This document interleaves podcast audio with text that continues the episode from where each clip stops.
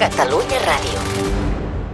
Sembla que sigui el destí de gairebé tots els alto al foc, immediatament després d'haver-se proclamat una circumstància com aquesta, que atura la violència entre dues parts, immediatament o passades unes hores hi han primers incidents que comencen a posar-li algun problema, alguna escletxa. De moment segueix aguantant, malgrat que avui hi ha hagut, insistim, a Gaza el primer incident.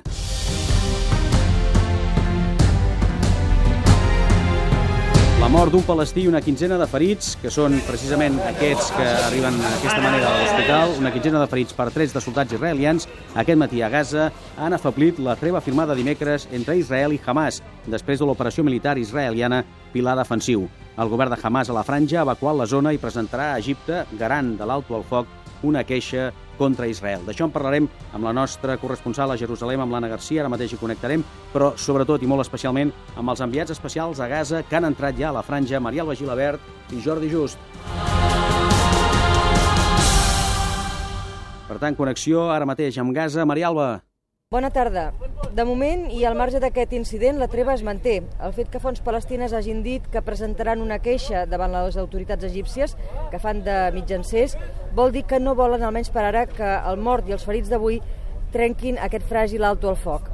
Ara mateix, a la ciutat de Gaza, la tranquil·litat és el que més impera. Els carrers, el trànsit és l'habitual per aquesta hora d'un divendres, les botigues són obertes i es veu gent asseguda als cafès.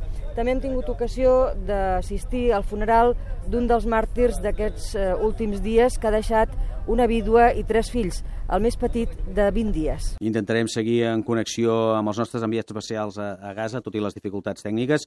La connexió que establim ara o que reobrim és amb l'Anna Garcia, la corresponsal habitual a Jerusalem. Aquesta mort d'aquest palestí que comentàvem en aquest primer incident posa en perill la treva, Anna? Bona tarda. L'acord de l'alto al foc entre Israel i Hamas estableix que les dues parts havien de començar a negociar 24 hores després que s'acabessin les hostilitats, és a dir, ahir però la mort avui d'un palestí a la franja de Gaza al costat de la frontera per trets de l'exèrcit israelià ha fet més fràgil aquesta treva. Precisament un dels punts més difícils de la negociació és el de la línia de seguretat que reclama Israel al voltant de la frontera amb Gaza, que vol que sigui de 500 metres Gaza endins. Un altre punt que ja d'entrada també és conflictiu és l'alleujament del setge a la franja per part d'Israel, una de les principals reivindicacions de Hamas.